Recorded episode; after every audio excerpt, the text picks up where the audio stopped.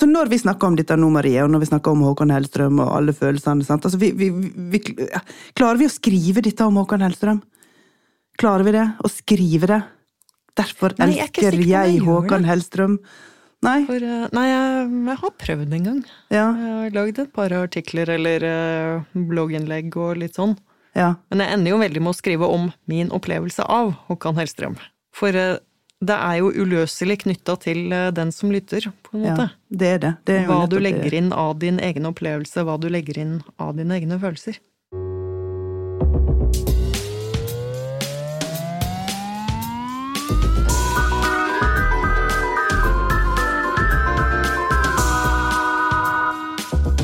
Eh, hei, Marie Aubert. Hei, Olaug Nilsen. Nå sitter jeg på Litteraturhuset i Bergen, faktisk. Og jeg sitter på Litteraturhuset i Oslo. Dette heter jo uh, Olaug og Aubert på Litteraturhuset. Så da passer det jo bra at jeg er på Litteraturhuset i Bergen. Vi har fortsatt vårt på det rene da. Ja, vi har det. Um, og dessuten så skal vi snakke om musikk i litteratur, og om det overhodet er noe som finnes. Eller om alle forsøk på å skrive musikk er dømt til å bli et skinn i Platons hålelikning. Det var fint sagt. Ja, det Og eh, jeg tror jo at svaret er eh, Ja, det er det dømt til, men vi får se hva vi finner ut i løpet av eh, praten. Men Marie, har du har du, eh, ja, utover TenSing, da, har du noe musikalsk bakgrunn utover TenSing? Ja, det har jeg jo faktisk. Jeg spilte klassisk piano i ganske mange år. Sånn fra jeg gikk barneskole og til jeg var eh, et par og tjue. Så sånn, ja, relativt seriøst. Jeg Gikk eh, musikklinje, prøvespilte ikke på Musikkhøgskolen. For Nei. jeg fant ut at jeg tross alt ikke hadde lyst til å øve seks timer om dagen, og dessuten ikke hadde lyst til å bli klassisk pianist. Men jeg studerte musikkvitenskap eh, på Blindern, i hvert fall. Jeg var eh, sånn starten av 20-åra. Og så, eh, og så var jeg jo musikkjournalist i noen år, faktisk. Så sånn sett har jeg brukt det. ja, I, eh, i Dagsavisen og i Bergens Tidende. ja, men hva skrev du da? Om platene? Ja, det varierte jo veldig, da.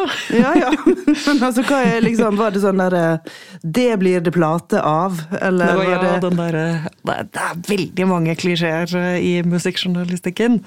Husker i Dagsavisen så hadde vi en sånn fy-ord-liste som, vi- som vi var enige om at dette kan vi faktisk ikke si om flere plater noensinne. Og det var eksempel å kalle musikk sånn ærlig eller ekte. mm. Eller rå, eller eh, sånn som egentlig ikke sier noe som helst. Da. Ja, ikke sant? Viktig bok. Sterk og Ja, viktig. litt sånn viktig ja. bok. Ja, ikke sant?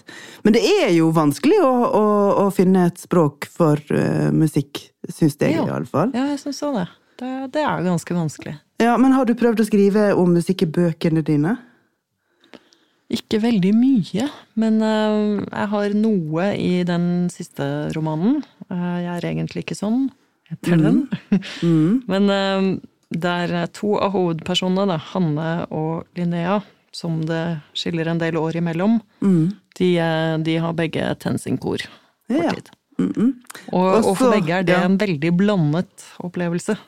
Altså Hanne som eh, blir litt sånn ydmyket av en eh, litt sånn karismatisk dirigent som vil at hun skal synge solo. Mm. Hun skjønner eh, litt sånn mens hun står og prøver å pipe Oh Happy Day.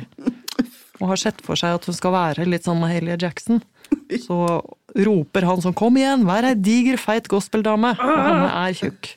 Og skjønner liksom at det er det han har sett for seg. Mm. Og eh, Linnea, som er 15 år og konfirmant, hun har et slags sånn klamrende hekta forhold til eh, en en TenSing-hjelpedirigent. Mm. Så historien gjentar seg litt. Men det, jeg fikk også diktet et vers denne gangen, da, til en litt sånn ubehjelpelig konfirmasjonssang. Som Ja. besteforeldrene hennes har skrevet til konfirmasjon. Det Vil, du, vil du ta det? Mm? Vil du ta det? Om jeg tar det? Ja? Og nå husker jeg det ikke helt, men eh, jeg lagde det mest sånn generiske verset jeg kunne finne på. Du er blid og god og grei, vi er alle glad i deg.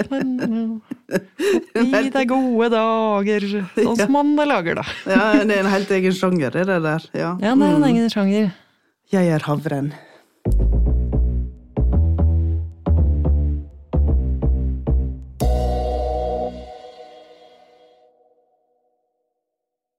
Har du eh, musikalsk bakgrunn på noe vis? Nei, jeg har ikke, jeg har ikke det i det hele tatt. Det har jeg ikke. Jeg kunne spille litt piano. Jeg kunne spille 'Kom i du skjønne milde' med to hender. Og så kunne jeg eh, lese noter. Men altså, dette har jeg jo ikke praktisert i det hele tatt. Har litt lignende altså på, eh, Da jeg skulle lansere eh, den siste boka mi, 'Yt etter evne, få etter behov', så sang jeg på lanseringsfesten. For da hadde jeg en sånn der eh, drøm om at jeg skulle få ha et tensing moment som solist. Eh, men eh, aldri igjen, altså. Fordi det var jo gøy, og det var jo fint, og jeg hadde fått med to profesjonelle sangere som korister for å redde det hele i land. um, men altså, når jeg så hvordan ansiktene så ut på de som satt på fremste rad på den eh, slippefesten når jeg begynte å synge Nei, det, der, det gjør jeg aldri igjen, altså. Skulle det være tull, eller skulle det være fint? Det det skulle ikke være helt tull heller. Eh, det skulle være fint nok til at det var greit at jeg gjorde det, tror jeg jeg tenker at det skulle. Men eh, så var det jo ikke det, da. Og så har jeg eh, i eh, eh, boka 'Tungtidstale' så eh, hadde det nok vært veldig mye mer musikk hvis jeg ikke skjønte i tide at det ikke går. Eh, og det var fordi uh, altså Tungtidsdale er en sjølbiografisk roman om meg og sønnen min Daniel, og Daniel er en språkløs autist. Og boka har flere scener med at uh, Olaug og Daniel kjører rundt i bil og hører på musikk, eller synger til hverandre. Eller liksom at det oppstår noe i uh, en samsynging. Um, men eh, ofte så hadde jeg jo bare lyst til å skrive ned akkurat en sånn der emosjonell opplevelse som jeg sjøl hadde hatt i bil, med at eh, vi hørte på en musikk som på en måte var talende for meg i situasjonen, og som traff følelsene mine veldig. Og så husker jeg at eh, eh, ei av venninnene mine som leste gjennom manus, skrev i, i, eh, i, i margen Jeg skjønner at dette betyr mye for deg, og så ikke noe mer.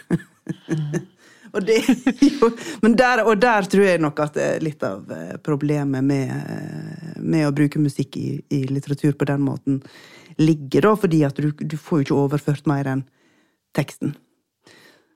Du får ikke den musikken, altså følelsene som musikken skaper, kommer ikke over til papiret. Jeg syns jo det vanskelige med å skulle beskrive musikk, er jo at det er jo nettopp at det er litt sånn ordløst. Mm.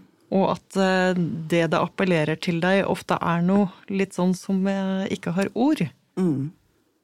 Så jeg har ofte sett på nesten musikk som noe som eh, fortsetter der hvor ordene mine slutter, på en måte. Så derfor ender man jo gjerne litt sånn med å beskrive en opplevelse av musikk. Mm. Istedenfor å prøve å beskrive selve musikken. Ja. Og så er det liksom noe med det at hvis du skal beskrive en opplevelse av musikk, så kan du jo likevel eh, Da kan du like gjerne få folk til å høre på det musikkstykket. Altså, det, er, det er et eller annet med det som er eh, ja, litt unødvendig. Eller føles litt unødvendig. Men, men jeg, når jeg nå først har nevnt eh, tungtidstale, så har jeg lyst til å snakke litt om, eh, om eh, Lars Amund Våge.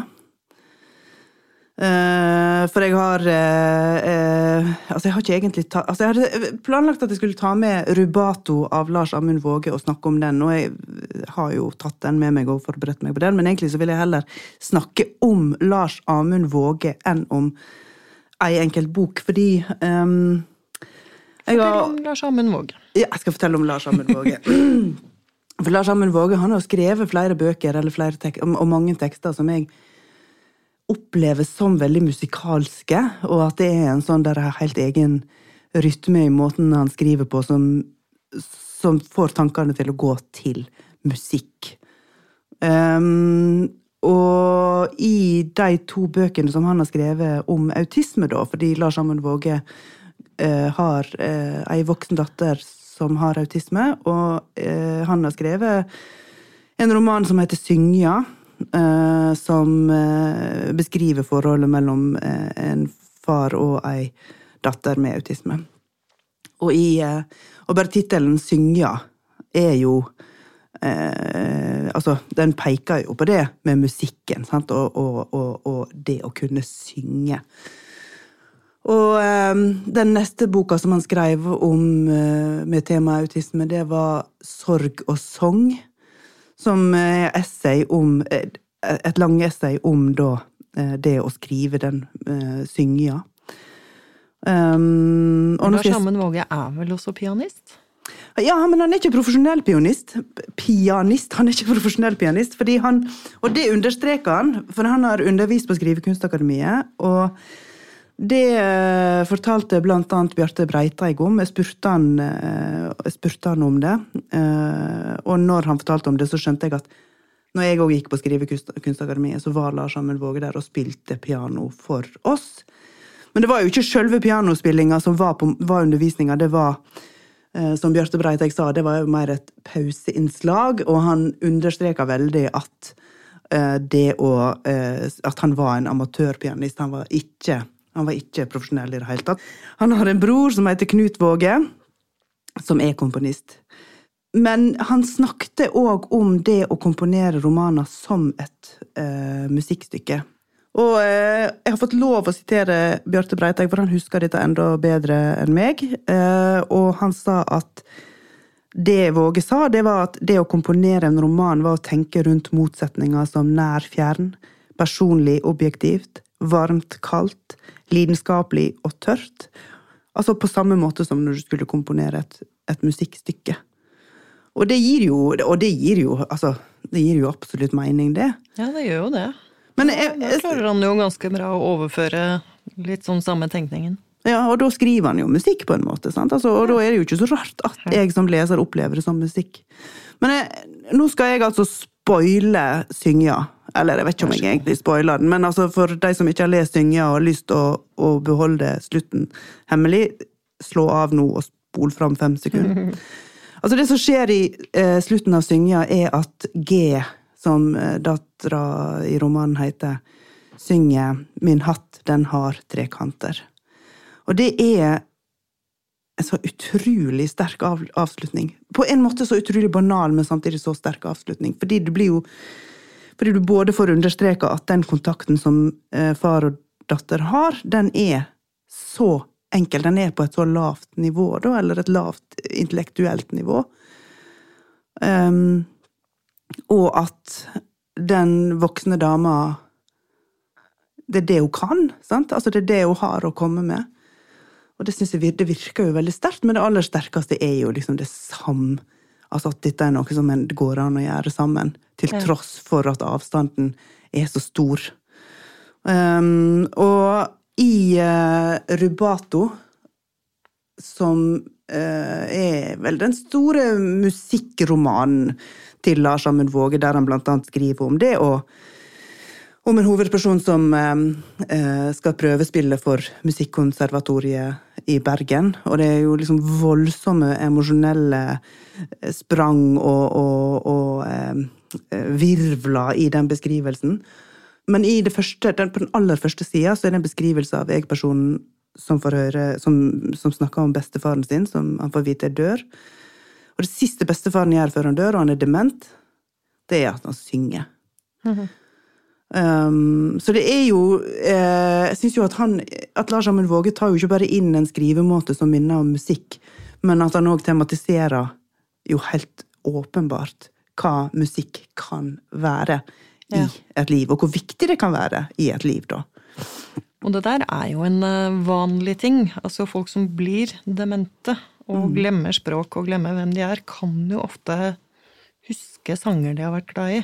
Mm. Og plutselig kjenne igjen det. Og viser da ofte følelser. eh, Glede, sorg. eh, Altså at, at, at musikken snakker til noe i, i eh, kroppen og i mennesket som er som er eh, rent emosjonelt, da. Og jeg, kan, jeg har lyst til å si, da, for at eh, eh, i og med at uh, både Lars Amund Våge og jeg har eh, hva skal jeg si, autismekompetanse. At det er um, Høy autismekompetanse. Høy, ja, høy autismekompetanse. Men i at en får jo ofte tilbud om musikkterapi. Ikke bare for personer med autisme, men òg for uh, utviklingshemma. Uh, og, og, der òg eh, For jeg har vært på noen seminar om det, og det er jo utrolig rørende å, å, å få se, da, for da det ofte, blir det ofte vist videoer av hva musikkterapeuter har oppnådd da, av kontakt med personer uten språk. Og det er jo ikke nødvendigvis bare, det er ikke bare, det er ikke bare utviklingshemming og autisme, det er òg eh, ja, demente eller folk som har blitt syke. Altså det, det, det er alle slags folk uten språk, da. Og da går jo det både på det der å liksom gi Få kroppen til å bevege Kroppen til eh, ja, pasienten eller brukeren, eller hva vi skal kalle det, til å bevege seg i takt med musikken. Eh, som kan være Jeg har eksempel sett en video der en eh, autistisk gutt kom på til en musikkterapeut og var rasende og hadde voldsom meltdown og utagering. Men så begynte da etter hvert, eh, langt inne i det her eh, raseriutbruddet, så begynte terapeuten å spille tromme i takt med hvordan den sinte gutten sparka eh, i, i, i, enden på en sofa, i sofakanten. Og så begynte de da å eh, følge hverandre sin takt. Og jeg må jo bare, altså jeg syns jo det er kjempevakkert, altså. Og da handler det jo om det å oppnå kontakt. Og det gjør litteraturen òg. Ja. Det er jo Ja, men det er jo akkurat det. Det rommer jo alt det der som er Som du ikke alltid vet at du har i deg, tenker jeg. Mm. Du kan oppleve at eh, musikk løfter deg i en periode med sorg eller krise, eller eh, noe sånt du ikke veit helt hvor du skal gjøre av, eller hvordan du skal uttrykke. Mm. Og du kan eh, oppleve liksom musikk som glede på en sånn helt fundamental måte, føler jeg. Ja. Hos eh, Kundera. Eller eh, Jeg tror det er i den udødeligheten. Ja. Så husker jeg det er en scene med den, hvor den ene hovedpersonen har mistet liksom viljen til å leve. Mm. Og en av de andre hovedpersonene spør om ja, men hva med den musikken der? Gir ikke det deg en sånn umiddelbar glede, liksom? Mm. Som, og bare det kan gi deg lyst. Det er litt sånn, det kan appellere liksom så voldsomt til noe helt sånn umiddelbart til ja. deg, da. Ja. Men hva svarte han da? Nei, jeg tror hun tar livet sitt likevel. Oh, ja, på slutten. Okay. Men ikke, ikke da. Nei. Men jeg husker bare den eh, setningen. Sånn, det der med Ja, men er ikke dette en umiddelbar glede? Er ikke dette nok? Nesten. Mm, mm.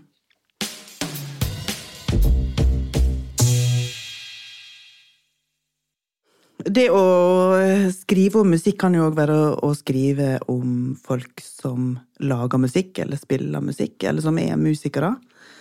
Og du har med deg eh, et par bøker? Ja, opptil flere. Her endte jeg faktisk med å eh, ta med flere bøker fra, som jeg husker veldig godt jeg leste fra da jeg var rundt 20. Det var kanskje den der sterkeste litt sånn perioden. Mm. Eh, for det første 'Havaristen' av Thomas Bernhardt. Ja. Den handler om pianisten Glenn Gould. Mm -hmm. um, historien er Det er tre venner som eh, studerer sammen. Og eh, alle, alle skal være pianister. Mm -hmm. To av dem er gode, men Glenn Gould er briljant. Ok, nettopp. Og ja. Glenn Gould er jo en virkelig pianist, eller var. Ja. Som er særlig kjent for sin helt, helt utrolig fantastiske her begynner jeg med sånn der eh, dumt klisjémusikkspråk igjen, ikke sant? Ærlig, Men hans, ekte. Eh, hans innspilling av Bachs eh, Goldberg-variasjoner mm. er en veldig ikonisk innspilling. Eller mm. han har to. En fra 50-tallet, en fra 1981. Det er den siste som er mest kjent. Hvor han også sitter og nynner mens oh, ja. han spiller, så du kan høre liksom stemmen til Glenn Gould ja. på, på innspillingen. Mm. Og den, den tror jeg faktisk er det Den plata, altså det albumet, jeg har spilt flest ganger i løpet av livet. Hm. Jeg tror jeg måtte regne med det, for den, Ja. den har jeg hatt med meg så innmari lenge. Mm. Og liksom eh, har om igjen og om igjen. Men eh, i boka eh, 'Havaristen' så eh, har Thomas Bernhard gjort eh, noen sånne fine små vrier, da. For det, det, er ikke, det er ikke en biografisk roman. Nei. Han har eh, fortalt det som en tilsynelatende riktig framstilling. Altså, mm. du, kan, du kan tro, når du leser romanen, at dette handler om disse tre musikerne, og Ja. de har studert sammen på Mozarteum i Salzburg og blitt undervist av Vladimir Horowitz, som er en annen kjent pianist. Mm. Og så eh, forteller han om eh, Glenn Gould som eh, en eksentrisk pianist da, som etter hvert isolerte seg og flyttet ut i skogen Å, i et isolert hus, og hvordan han til slutt dør en litt dramatisk død. Han stuper over klaveret. Ok, ja. Men, ja. Men det er ikke sant? ingenting av dette er riktig.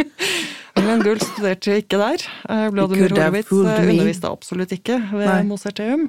Mm. Ville liksom heller aldri gjort det, for det er en sånn helt annen, helt annen skole. Ja.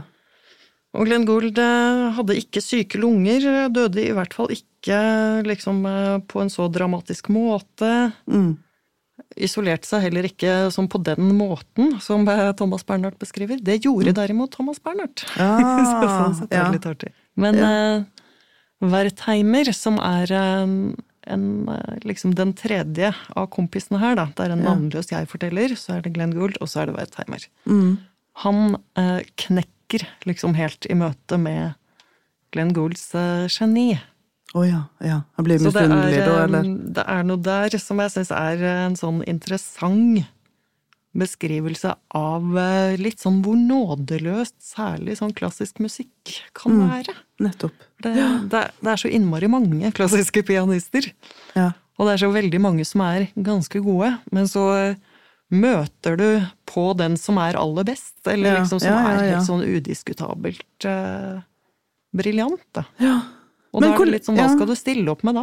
Nei, du, men, men, men når du snakker om dette For jeg skjønner ikke forskjellen på en god pianist og en briljant pianist. Og det jo, kan jo være selvfølgelig fordi ikke jeg har hørt på nok eh, pianomusikk. Men altså, det gjelder i grunn eh, flere former for eh, altså klassisk musikk i det hele tatt. Altså, hva, hvordan skjønner du det, da? For piano høres vel likt ut uansett, tror liksom. Akkurat med Glenn Gould så tror jeg det er både et sånn veldig personlig uttrykk, og det Ja. var en litt sånn ny måte å framføre Bach på. Mm. Litt sånn der gjennomsiktighet og en sånn Gjennomsiktighet. Ja, ikke sant, her begynner man igjen, ikke sant. Men det, men det er sånn, noe sånn veldig meditativt eh, ved å høre på det. Ja, okay. Som ikke så mange har fått til. Det er jo en sånn der formidlingsevne sammen med et veldig sånn rått eh, teknisk talent, Mm. som regel, da. Men for hvis, at, eh, for hvis at noen er flinke til å synge, da, for eksempel, så kan du jo høre om det er falskt eller ikke, og du kan høre forskjeller på lyden i ei stemme, men pianoet eh, Pianoet lager jo lik lyd uansett. Nei, det gjør ikke det. Nei, ok! Det er jo litt sånn fordi det er få verker som liksom gjennom musikkhistorien sånn relativt sett Mm. er skrevet for piano. Altså, nei, selvfølgelig mange, men du, kan, men du har et visst repertoar til rådighet, da. Mm. Og så blir det jo en litt sånn konkurranse om hvem er den aller flinkeste til å gjøre dette. Ja. Samtidig som det er så innmari mange som prøver. Ja. Men det her syns jeg er litt sånn samme problemstilling som eh, filmen Amadeus, for eksempel, Mm, mm. eh, holdt på med. Eh, Som eh, da var veldig svær på 80-tallet og handla om eh, Mozart. Som er eh, liksom geniet. Og så er Ja. det Salieri, som da er hovedpersonen, og han er en, en grei komponist. Mm. Mm. Men han, han liksom reagerer eh, med og, eh, og liksom skal hevne seg på Mozart, fordi Ja. Mozart er så god. Og han Mm. tåler ikke på en måte Nei. det talentet, da. Han mm. tåler ikke å se seg selv som eh, såpass mye dårligere. Mens eh, i eh, Havaristen så blir eh, Wertheimer eh, Han blir selvdestruktiv. Ja, skjønner. Og, og hans liv sporer liksom av. Ja.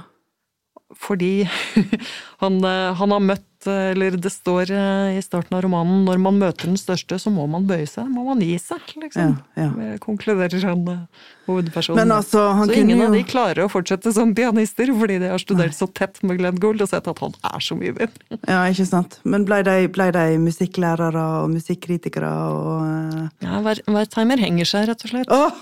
Nei, Så han, Ja. han går i hundene, og eh, han hovedpersonen snur seg jo mot, eh, mer sånn mot filosofien etter hvert. Mm, nettopp. Men den handler, den handler mye om musikk som noe litt sånn nådeløst. Så jeg har også tatt med en bok av eh, Vikram Seth, eh, som er mest kjent for sin eh, kjempetjukke roman En passende ung mann. Ok, ja. Denne boka heter eh, En egen musikk, eller An Equal Music. Og den handler da om fiolinisten Michael, eh, som, eh, ja, som da er klassisk musiker, møter eh, igjen sin eh, tapte kjærlighet Julia, som er pianist. Så dette foregår i et sånn relativt elevert klassisk musikkmiljø i London, men det er samtidig litt sånn nedpå beskrivelse av å ha, ha dette som yrke. Ja, Det, skjønner. er- det er sånn mye dagligdagse ting rundt å ha elever og vedlikeholde en fiolin og litt sånne ting. Mm. Plottet her er da at Julia er i ferd med å bli døv. Som da har, har noen klare ulemper, da. som, Ja, ja, i eh, det yrket så vil vel det Når du- når du er musiker. Ja. Men um, det stykket denne boka kretser om, er eh, Bachs eh, Konsterfuge. Mm. Altså, denne boka er på en måte, syns jeg jo, den blir eh, blomstrende og av og til heller mot en litt sånn eh, klisjéfylte beskrivelser av folk. Ja. Liksom eh, De sorte panterøynene hennes ulmer, sto det faktisk et sted, og det tenkte jeg, det tror jeg ikke jeg så da jeg var 20. på samme måte. Eller, eller så syns du bare at det var veldig vakkert. Ja, nå, nå skurra det fælt, gitt. Men, eh, men jeg syns avslutningen er ganske flott. Hvor eh, Julia da framfører Konsterfoge Mm. uten å kunne høre den på, Nettopp, på en ja. konsert. Ja.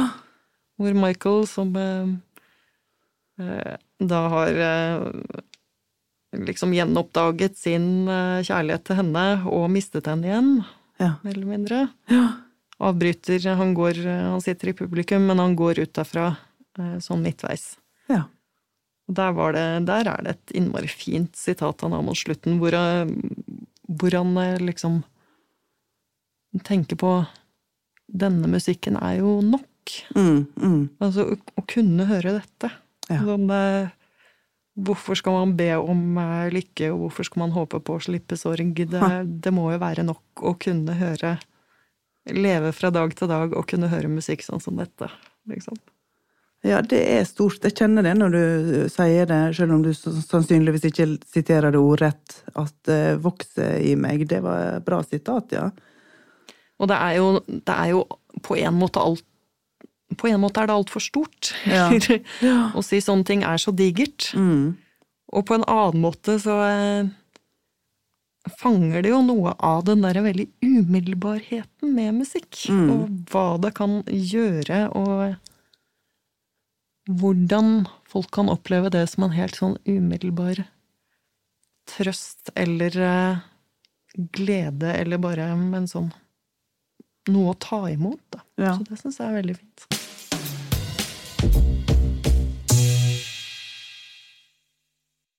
Men eh, du har òg med eh, ei bok om eh, folks opplevelse av musikk, da, hvis du kan si det sånn. Altså hvordan, hvordan musikk kan påvirke et helt liv. Stemmer ikke det? Er ikke det riktig å si? Jo. Jeg tok rett og slett med Beatles av Saabye Christensen, som, Ja. eh, som jo er en norsk klassiker. Det er det. Den har jeg òg lest. Eh, diger oppvekstroman som da skildrer eh, fire unge gutters eh, liv. Altså fra de er nesten barn, Ja. litt sånn tidlig i tenåra er de vel, tror jeg, og til de er voksne. Mm. Og, og de dyrker Beatles. Ja. I begynnelsen av boka så heter de ikke det de heter, men de heter John Paul, George og Ringo. De er, de er hver sin Og de, og de vokser eh, med Beatles, og eh, har musikken så veldig, veldig, veldig integrert i sitt liv. Og hvert kapittel heter jo en Beatles-låt. Ja. Som eh, på en eller annen måte er relatert til tematikken der. Ja, men, og det løfter tematikken òg, hvis du kjenner Beatles sine låter. Ja. Og det jeg syns den klarer å skildre veldig fint, er jo rett og slett den derre opplevelsen Mm. av å høre et sånt nytt album, og den derre store, store hendelsen det Ja. er hver gang det skjer noe rundt Beatles. Mm. Altså, den skildrer jo ikke bare um, fandom, eller eh, Nei. det å være fan, Nei. som den også gjør. Ja. Eh, hvordan de er så intenst opptatt av Beatles, hvordan de går kledde, hvordan de skal ha håret. De er Beatles, og de vokser med Beatles. ja.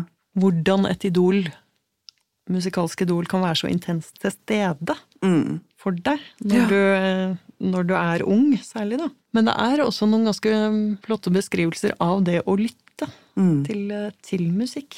Mm. Hvordan liksom ørene kjennes enorme, og eh, hvordan det går inn i deg, og hvordan du hører, føler trommene. Og, ja, Mm. det er en sånn lytteopplevelse med hele kroppen, da, som Ja. han beskriver der. Og Lars Jobbe Christensen, han har jo Altså, han eh, han, han har jo skrevet ganske masse om musikk, og skrevet eh, dikt, og, og framført dikt eh, til musikk. Så han har vel òg et nært forhold til musikk i sitt forfatterskap. Men vet du hva det slår meg når du snakker om lytteopplevelsen i Beatles? For da, eh, sånn som jeg husker det fra Beatles, så var det jo plater. sant? Altså Det var jo platespiller med den der nåla som du må ha nedpå, og så Som er jo noe helt annet enn Ja, nå, når du strømmer fra Ja. For jeg tror ikke, jeg tror ikke det at liksom å sette på en låt på Spotify Eller ja, ja, hvem veit? Men jeg har i hvert fall ikke sett noen skildring som kan minne om det der hellige ved å sette stiften ned på ei plate. Og det samme med liksom det der, det der nerdesamlergreiene. For kan du egentlig være det etter at eh, all musikk blir strømma, altså at all musikk er digital? Altså, nerdinga kan du jo ha. Ja. Og jeg tror du kan Du opplever jo gjerne musikk like sterkt. Altså, musikken er jo den samme. Den har den samme kraften. Men ritualet rundt, det er jo forsvunnet, på en måte. Ja. ja. Altså, eh, og det, det tenker jeg har så mye om å gjøre med, med liksom musikken eh, som et begrenset gode. Ikke sant? Et knapphetsgode. Ja, som det var. Radio Luxembourg var. var. jo òg en sånn der eh, At folk lå under dyna og hørte på Radio Luxembourg uten lov. Ja, sant? Det var jo noe vi hørte fra generasjonen over oss. Mm. Uh, ja. Og det der Jeg husker godt det der eh, fantastiske med å gå og kjøpe 15 CD-er på platekompaniet den dagen jeg fikk studielånet. ja. ja. Platekompaniet i Bergen, på Torgallmenningen. Mm, ja, ja, ja. Så gikk jeg der og brukte masse penger, og så den der fryden over å gå hjem med alt det. ja. Alt det der nye du nå kunne høre på. Ja, også det der også, Husker du at det var sånn at du kunne høre litt, eh, altså prøvelytte på CD-ene? At ved disken på platekompaniet så var det liksom noen stasjoner med høretelefoner, og da kunne du få prøvelytte på CD-ene før du kjøpte dem. Ja. Dette er jo eh, Det her er svunnen tid, altså. Ja, det er det. Jeg husker veldig godt som første gang jeg hørte Håkan Hellstrøm på en sånn eh, platekompaniet, det var den i Klingeberggata, da. Og det derre totale sånn å, fy faen! Ja. Å, hør på dette! Ja, ja, ja, ja. Å være 20 år og få en litt sånn eh, sang eller et album som bare går så rett inn i Ja. Der- Denne mannen forstår meg! Ja, sant. Og samme, jeg har det samme med, med Håkan Hellstrøm.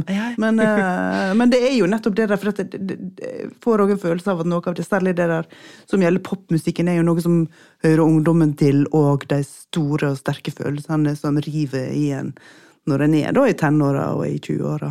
Jeg kan fortsatt få ganske heftige opplevelser av, eh, av nye ting, altså. Ja. Og bli litt overvelda av det. ja. Ok. Men ja, det, men likevel, ja. Det, Ja. Jeg skrev, eller prøvde å skrive mer om musikk da jeg var yngre, for eksempel. Mm. Jeg tror jeg hadde det liksom sterkere innvevd, sånn Oppdaget David Bowie, liksom. Mm, Sånn den der helt fantastiske opplevelsen i å oppdage Ja. at dette fins. Mm, Dette er tilgjengelig. Ja.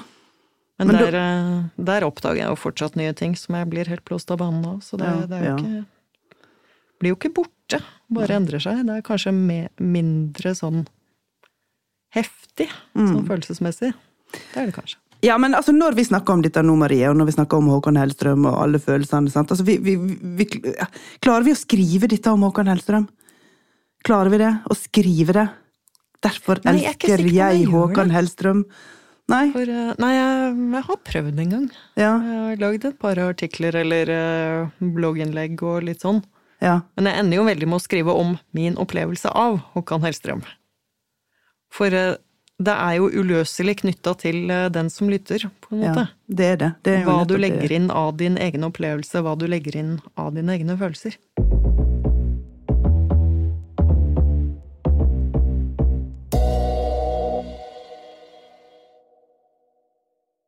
Jeg tenkte vi skulle snakke litt om det å sitere musikk i romaner. For Mm. det eh, har eksempel jeg gjort. Eh, og jeg var jo inne på det i stad med Tungtidstale, at jeg hadde jo lyst til å sitere så utrolig masse som hadde virka på meg emosjonelt i bilen der med Daniel, men så måtte jeg jo begrense meg, da. Men noe tok jeg med. Eh, og så har jeg skrevet i, eh, i Få meg på, for faen. Eh, så hadde jeg et helt stort kapittel, eller to store kapittel om karakteren Maria, som er vaskehjelp, og som går og hører på musikk og drømmer om å, å, å bli oppdaga for sitt uh, sosiologiske foredrag om å være renholdsarbeider. Og så hører hun da på sånne sanger som handler om Maria. Og akkurat der, det er jo på en måte, da er det jo på en måte det som er poenget. Sant? At, hun, at hun finner seg sanger som handler om Maria. Og det er så utrolig mange sanger om Maria, for eksempel. Rune Rudbergs Ut mot havet. Der er det Maria, Maria. Og så er det Ja, jeg elsker deg, og du er alt for meg. Meg. Og det er jo klart at eh, liksom for den eh, Altså, Rune Rudberg er vel ikke den som har de beste assosiasjonene knytta til seg som artist, men for ei som heter Maria og går og hører på den sangen, det er jo lett gjort å drømme seg inn i det. Og det samme med Blondie-sangen om Maria, og eh, Maria fra West Side Story. The most beautiful name you've ever heard. Maria, Maria, Maria, Maria.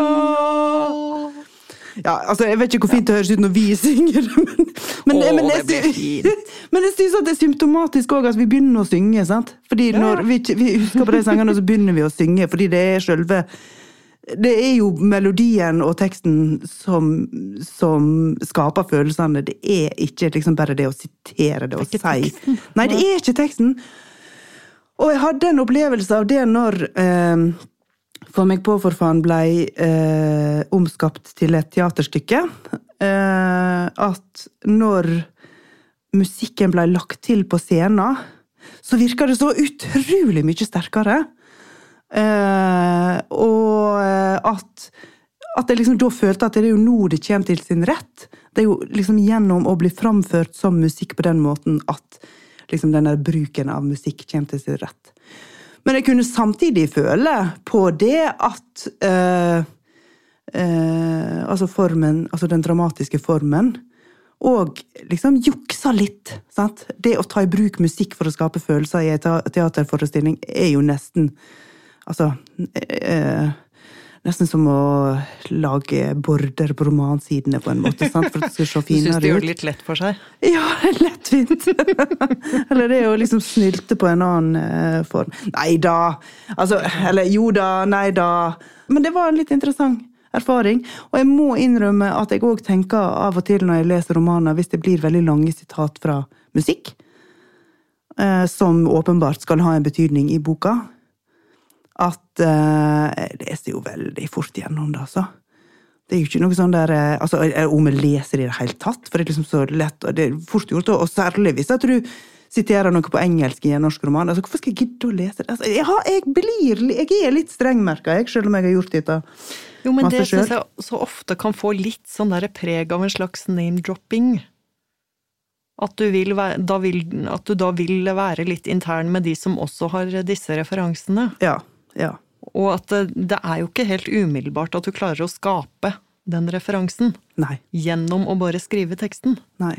Det er ikke det, altså. Hvis du ikke, hvis du ikke har med noen sånn eh, ytre om hva Ja, men hva betyr denne referansen i denne boka? Mm, Du har ikke noen sånn opplevelsen av det. Du har ikke litt den derre funksjonen. Blir det referanser du bare skal pynte deg litt med? mm, mm. Og noe som du skal gjøre til en litt sånn intern funksjon mellom eh, deg som har hørt denne musikken, og eh, de leserne som kanskje har hørt denne musikken. Ja. Eh, Og, og det forutsetter jo veldig en sånn at eh, ja, da skal denne leseren kanskje vite hva denne musikken betyr. Ja.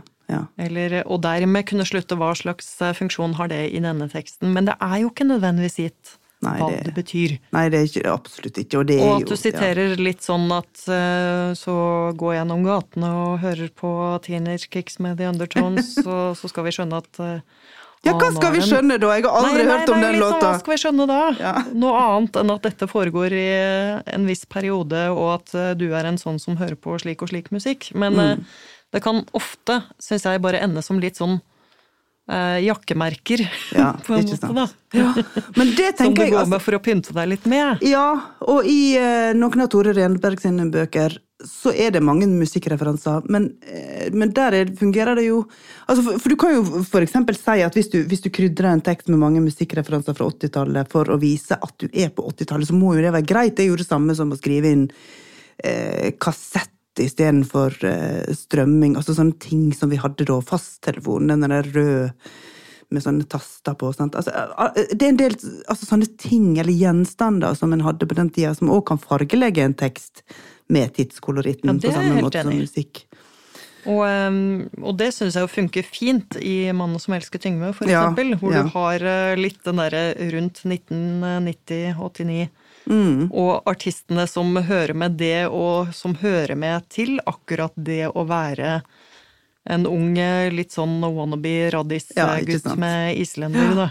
Ja, ja da. For, men det er jo også fordi nettopp da så er den musikken så innmari definerende for han. Ja. Mm. Og det er sånn han skiller mellom eh, den han, dem han vil være sammen med, og dem han ikke vil være sammen med. ja. ja. Altså, han syns jo det er vanskelig å eh, overhodet falle for Yngve fordi Yngve er opptatt av eh, Duran Duran. ja. Mm. Ikke sant?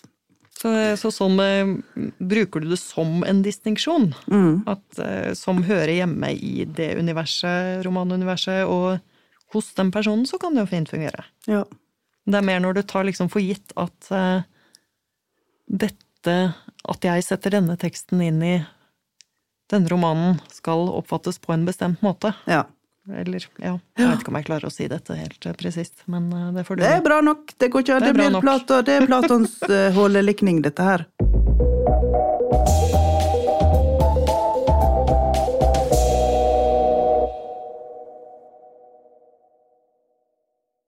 Jeg legger merke til at vi har nesten bare plukka ut mannlige forfattere til denne episoden.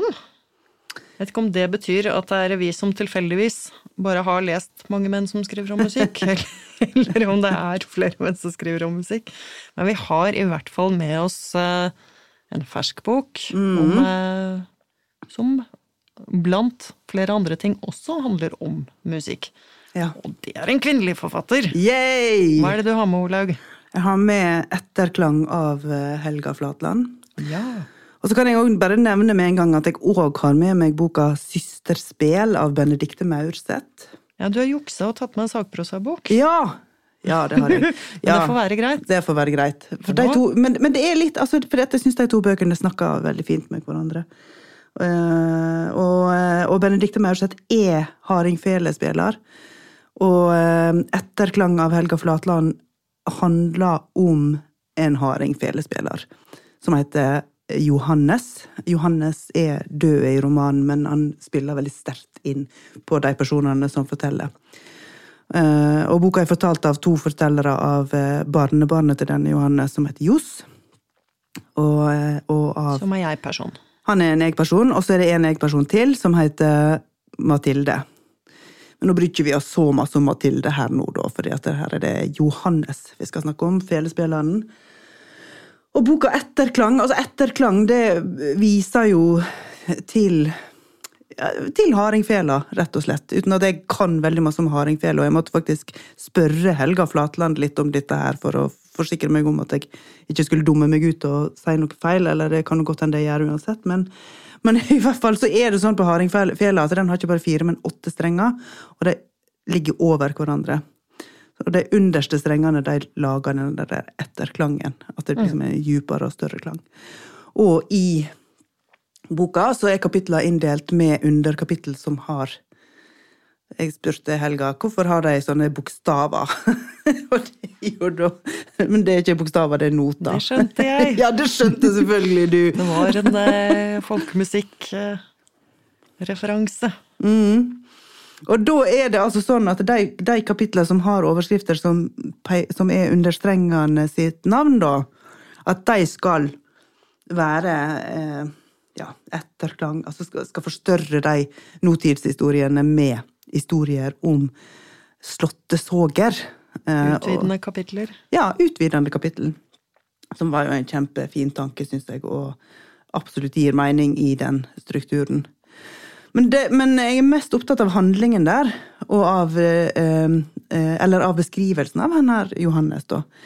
For Johannes er en felespiller som er en sånn slags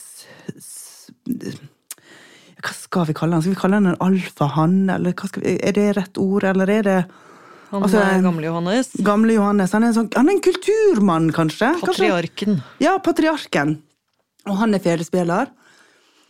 Og, av, eh, og, han tar utrolig masse plass, eh, og snakker hele tida og bryr seg ikke. Og hvis han først har noe han skal si og noe han skal framføre, så kan middagen godt bli kald før han er ferdig, og det aksepterer alle. Sant? For han skal snakke, han skal spille en slått, han skal fortelle historien bak den slotten, slåtten, og han skal, han skal dosere og mansplaine. Og eh, en av, eh, men en av de tingene som jeg spesielt la merke til, og som jeg syns var veldig interessant, det er det at han Altså at han, uten å legge noe som helst imellom, mener at kvinner og felespill ikke hører sammen i det hele tatt. Og det er Kvinner skal til og med ikke røre fela. Nei, og det er jo altså, og, og kona hans har pussa fela hans, og da ble den ubrukelig. Og ikke bare mener han det, og, og, og, og virkelig mener at sånn er det. Eh, men han sier det til og med fra scenen under en kappleik eller en konsert. eller et eller annet sant? og så liksom, ja, og da, altså, Sånn ser jeg ham for meg, at han står og ler. Og, og, liksom. og så blir det da beskrevet i det kapitlet hvordan han her barnebarnet Johs hører på dette der. Og tenker da selvfølgelig på mormora si, eh, og hvordan noen, fra, noen av de som har vært på konserten, noen kvinner som har vært på konserten, kommer til han og, og kommenterer det. Og du skjønner jo på en måte at det er jo en opposisjon i miljøet mot den måten å være på, men samtidig så er det helt innarbeida og inkorporert. At det kvinnesynet er eh, fastlåst og negativt. Og det var derfor, på grunn av dette, at jeg syntes det var interessant å lese eh, Benedicte Maurseth sin eh, Systerspel parallelt. Jeg kan jo bare si meg at det handler jo ganske mye om det knugende ved tradisjon. Mm. Altså, det er jo egentlig det store temaet i eh, hele den delen som handler om Johs, syns jeg. Og, eh, men det er interessant at også musikken blir noe, at tradisjonsmusikken blir noe litt sånn eh, knugende. Mm. Altså, Johs må jo liksom spille, selv om han ikke er eh, spesielt flink, så skal det være spillemenn mm. i denne familien. Ja. Og han prøver å lære det bort til en gutt som eh, ja, i hvert fall ikke er eh, spesielt musikalsk. Mm. Men uh, hvordan slåttene i boka, um, altså fellesspillåtene, hvis du skal kalle det det, da, mm. alltid har en fortelling knytta til seg. Altså man forteller liksom soga som hører til akkurat denne slåtten, som et litt sånn sagn eller eventyr eh, i forkant. Mm. Og de handler eh, i denne boka da nesten uten unntak mm. om litt sånn kvinner som trår feil, eller eh, ja. er troløse eller opprørske, mm. og som får som fortjent, da. Ja. Sånn at det hele tida blir den derre litt sånn hånda ovenfra mm. som liksom presser en ned og ja. holder kvinner på sin rette plass. Mm. Og det er jo og det er også veldig fint i boka hvordan Mathilde-karakteren utfordrer jo det, da. Og, og, og, og har et helt annet syn på de slåttesågene. Tolker de annerledes, og, uredd kommer med sine tolkinger av det. Ja, for hun er jo en sånn uh, kvinne som ikke hører hjemme i dette tradisjonsuniverset i det hele tatt. Mm, mm. Som verken helt vet hvor hun kommer fra, og eller er noe interessert i å innordne seg. Nei. Kan jeg si litt om uh, systerspill? Ja! uh, Benedicte Maurseth er uh, felespiller. Hun er født i 1983. Og i et av kapitlene i den boka som heter Systerspill, så beskriver hun en episode der hun sjøl eh, hadde en metoo-opplevelse. Eh, og der handler det om at hun har fått lov å være med på et hotellrom på et nachspiel. Eh, og der sitter det en hel gjeng med liksom sånne kule felespillere. Eh, eller ikke, ikke, nødvendigvis kule, jeg vet, den, jeg vet ikke om de bruker ordet kule om seg sjøl i det miljøet, det kan hende det er feil, men i hvert fall eh, de best ansette, da. Eh, og der er det da og, og, og, og, så kommer det noen på døra som vil inn, og en av de som kommer på døra, vil inn, få lov å komme inn, de andre må gå. Sant? Altså det er liksom en helt sånn der, tydelig hierarki som blir praktisert.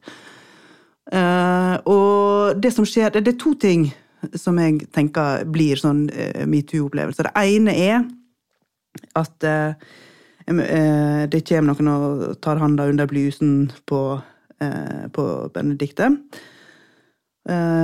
og det andre er at Fjella blir sendt rundt på hotellrommet. Og at det er liksom helt tydelig hvem som har lov å spille mer enn én slott. Noen får lov å sitte og spille fem, sant? mens noen får kanskje lov å spille tre, og noen får bare lov å spille én før de skal sende det videre. Og så sitter da Benedicte der og gleder seg til det skal bli hennes tur. For hun jo, er jo en ambisiøs eh, felespiller, og i, i, hun er veldig vel ansett. Hun har f.eks. spilt masse med, altså til Jon Fosse sine tekster, og fikk nylig eh, Nordisk råds musikkpris for sin siste plate. Men i den beskrivelsen der eh, skjer det altså det at når hun gjør seg klar til å ta imot Vela for å spille sin slått, så blir den bare sendt rett forbi henne. Å, fy søren! Ja!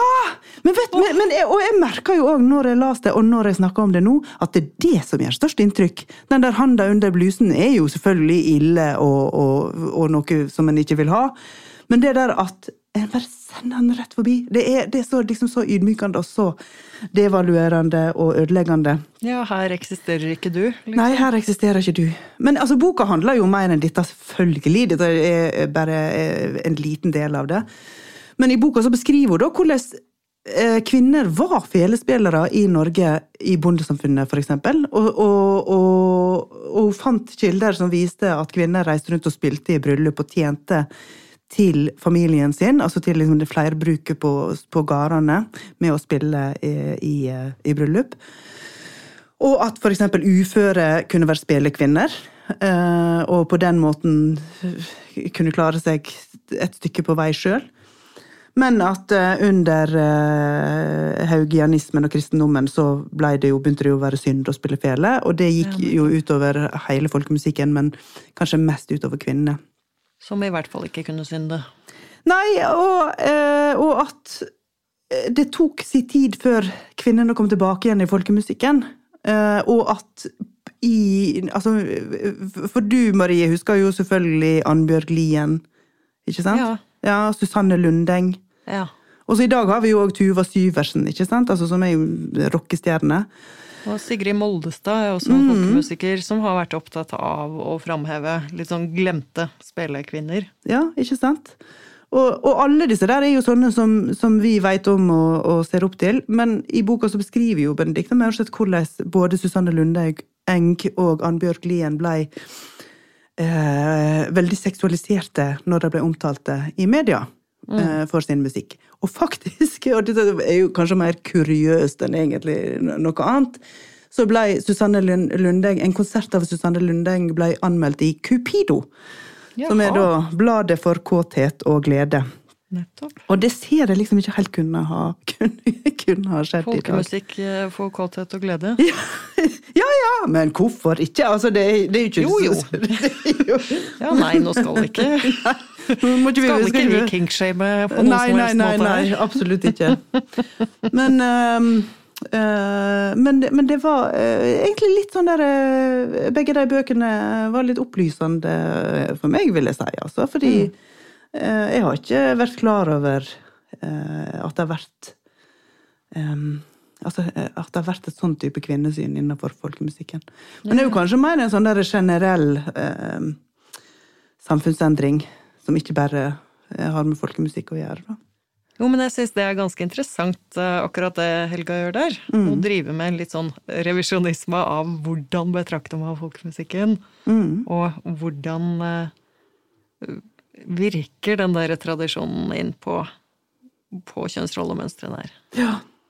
Og de der slåttesågene som er gjenfortalt i, i etterklang, noen av dem finner en òg igjen i systerspill.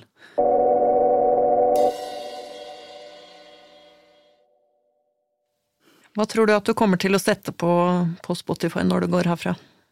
Nei, vet du hva, jeg tror ikke jeg kommer til å sette på noe som helst. Jeg skal bare gå fra Litteraturhuset og tilbake i parkeringshuset, og så skal jeg kjøre hjem og lage middag. Du, da? Jeg skal trene, og da liker jeg å høre på Tommy tykker om meg med Carola mens jeg løper. Yay! Takk for i dag! Takk for i dag.